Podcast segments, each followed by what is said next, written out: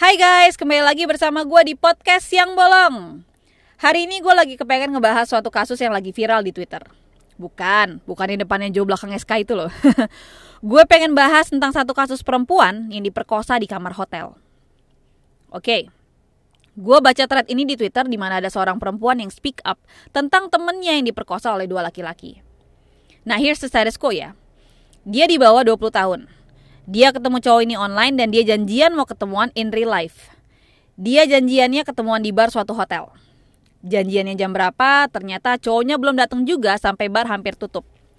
Akhirnya cowok itu datang sama temennya dan ngajak cewek ini check-in di hotel untuk minum dan ngobrol-ngobrol. Cewek ini setuju dan mereka bertiga akhirnya check-in. Don't know what happened there that led on to one thing to another. Besoknya temennya cewek ini speak up dan bilang bahwa temennya diperkosa oleh dua laki-laki. Oke, First of all, ini pemerkosaan. Dilihat dari berbagai macam sisi, terlepas terms and condition yang ada, bahkan menyentuh tubuh perempuan tanpa konsennya merupakan sexual harassment. Apalagi jika melakukan tindakan seksual pada seorang perempuan tanpa izin darinya. It is rape. A crime is a crime, no matter what the circumstances are. Oke? Okay? Ini yang harus ditekankan di sini. Dan ya, menurut gue, laki-laki yang itu tuh dua laki-laki itu memang harus dihukum dengan semestinya. Namun, mm, hate to break it to you, man. I mean, this situation could be very much avoidable. Seeing the the location of where the rape happens just make me feel so frustrated, you know. Like to be honest, all of us could avoid this particular type of situation. Kita tuh sebenarnya bisa loh menghindari situasi yang satu ini. I mean, the red flags are there kan.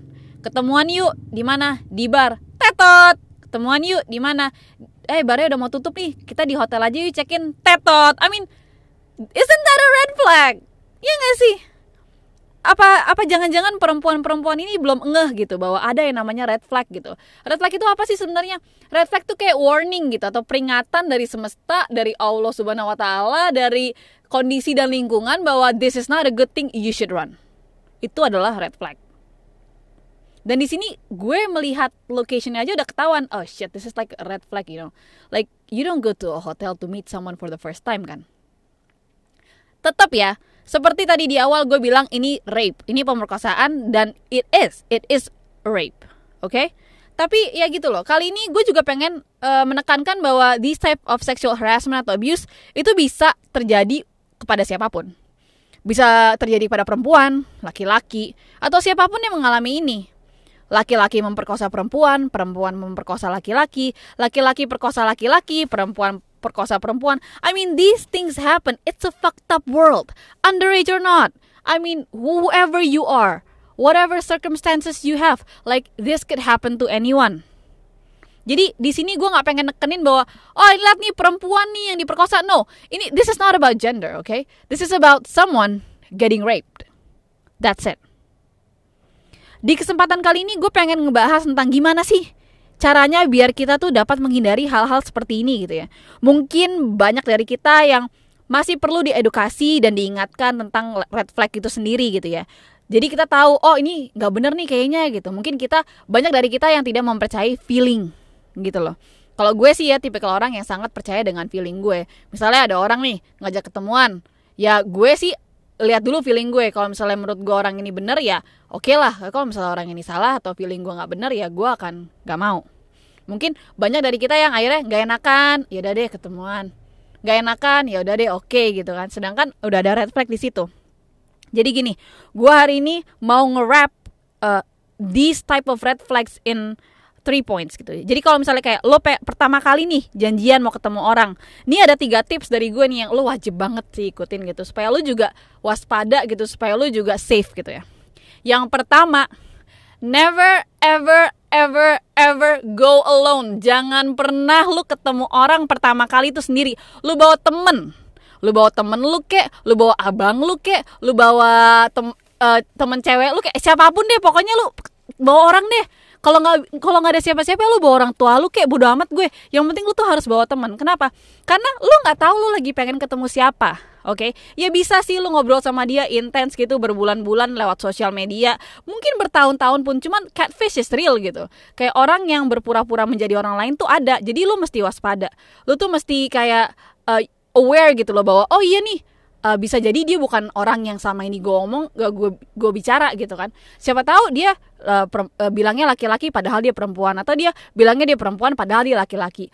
Masih mending kalau kayak gitu. Nah kalau misalnya ternyata yang lu temuin itu adalah bandar narkoba dan dia pengen nge uh, nuker pala lu.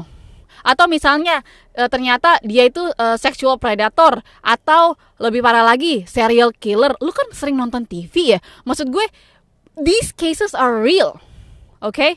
jadi maksud gue lu jangan pernah pergi sendiri. Kalau lu perempuan nih ya because karena kita kan uh, physically kadang-kadang membutuhkan bantuan orang lain ya untuk bisa melawan laki-laki gitu ya. Uh, secara fisik not saying that women are not strong tapi ya yeah, it's like reality ya. Nah lu saran gue sih lu kalau misalnya ketemu sama cowok pertama kali gitu ya lu bawa abang lu sahabat laki-laki lu gue nggak peduli. Pokoknya dia lu bawa orang ya. Jangan pernah lu berangkat sendiri. Itu bodoh banget serius.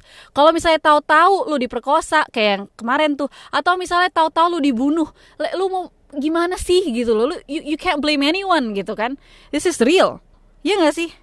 Jadi please kalau misalnya lu mau pertama kali ketemu sama orang bawa temen.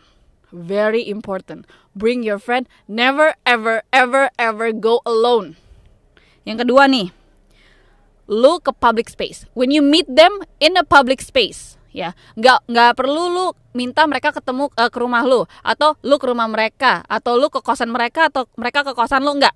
Lu ketemu di public area like a mall a library a college park campus park atau apa pun itu lu ketemu ya di public space. Kenapa? Karena seperti yang tadi gue bilang, lu nggak tahu apakah dia beneran orang yang sama ini lu lu lu ajak ngobrol apa bukan gitu. Lu nggak ngerti apakah nih orang bener-bener true apa enggak. Kan lu nggak ngerti kan? Lu belum tahu lu, lu baru pertama kali ketemu dia gitu ya secara otomatis lu harus di public space kalau misalnya ternyata dia serial killer terus di situ dia ngancem lu ya lu masih bisa punya kesempatan untuk lari untuk minta tolong sama orang lain karena di situ rame public area nggak kayak private gitu kan dan kalau misalnya lu diajak sama laki-laki yang baru lu temuin ke kamar hotel, ya kan? Bertiga doang. Ya, what do you expect, man? Kayak lu berharap apa? Lu main ludo di situ? Lu berharap main Getris di situ kan enggak, cuy. I mean, come on, itu red flag banget gitu kan. Kayak please gitu.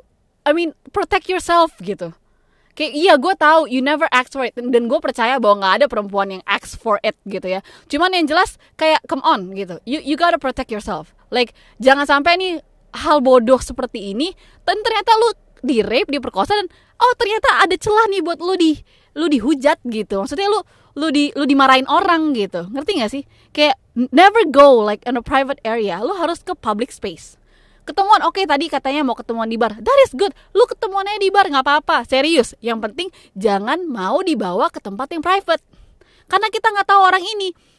Kalau misalnya kayak lu diperkosa kalau misalnya lu dibunuh kalau misalnya lu, lu lu dimutilasi lu pikirin gak sih orang tua lu di situ gitu?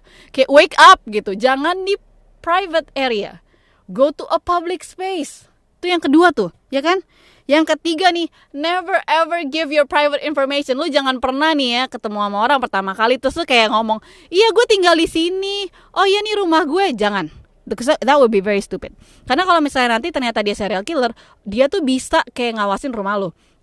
Kalau misalnya ternyata dia itu adalah orang yang apa namanya, yang uh, jahat gitu ya, dia bisa tuh dia udah tahu private private uh, ini private information tentang lo. Bahkan menurut gue ya jangan sampai lo ngomong kayak eh ya gue kuliah di mana? Oh gue kuliah di UI gitu kan. Oh ya gue jurusannya ini. Jangan sebut jurusan dulu dah saran gue gitu ya. Atau jangan sebut kelas gitu kalau misalnya bisa. Karena lo harus ngejaga ngerti gak sih? Lo harus ngejaga private information lo. Jadi kalau misalnya ada apa-apa ternyata nih orang psikopat sosiopat lo tuh masih bisa ya lari gitu loh cuy. Jadi those three things itu wajib banget ya. Yang pertama never go alone. Kedua don't go in a private room in a private space, you need to still be in a public space gitu kan. Yang ketiga, never give your private information detail. You know, ini very very important gitu kan. Di luar sana cuy, demi Allah banyak banget orang jahat. Dek, serius. Maksud gue banyak orang yang jahat yang ingin mencelakai orang-orang gitu ya. Apalagi di masa-masa pandemi seperti ini, apalagi di masa-masa sulit seperti ini. Maksud gue, kalau misalnya lu dicuri, lu di apa ditelanjangin terus tuh di ambil semua harta lu. Atau misalnya kayak toto lu dibunuh atau misalnya dimutilasi gitu kan. Lu tau-tau dia ternyata agen human trafficking terus tuh dibawa ke luar negeri cuman buat jadi babu. Kita kan tahu gitu loh. Oh come on don't overreact. No you need to overreact. This is serious this is real life. Oke? Okay? nggak kalau misalnya lu nonton lu punya apa namanya Netflix atau apa lu coba deh nonton Law and Order. Lu nonton yang namanya Special Victims Unit gitu ya. Lu nonton tuh bener tuh lu nonton tuh Law and Order Special Victims Unit lu lihat sendiri that is from real cases man kayak this is real jadi tolong ya, maksud gue untuk perempuan-perempuan di luar sana, I'm really sorry. Gak semua dari kita ingin, eh gak semua dari kita, memang tidak ada dari kita yang ingin di rape. Dan jujur, dia berada di dalam kamar hotel tersebut dan dia di rape, tetap laki-lakinya salah 100%. Oke? Okay? Tapi sebagai perempuan kita pun punya apa ya namanya? Punya tanggung jawab lah untuk bisa memprotek diri kita sebaik-baiknya kita try not to ask for trouble and try not to get involved in things like that. Oke? Okay? Take care. Ini juga berlaku untuk laki-laki di luar sana karena gue juga tahu banyak laki-laki di luar sana yang jadi korban pemerkosaan cuman gak ada yang mau ngomong aja karena malu. Ya gak sih gila laki-laki lu masa jadi korban pemerkosaan sih pasti kayak gitu kan. Jadi this goes out for everyone. Like be careful, be safe, you know, and take care of yourself, okay? That's really important. Okay guys, thank you so much for you know listening to me venting today i guess i'll see you again tomorrow and have a good day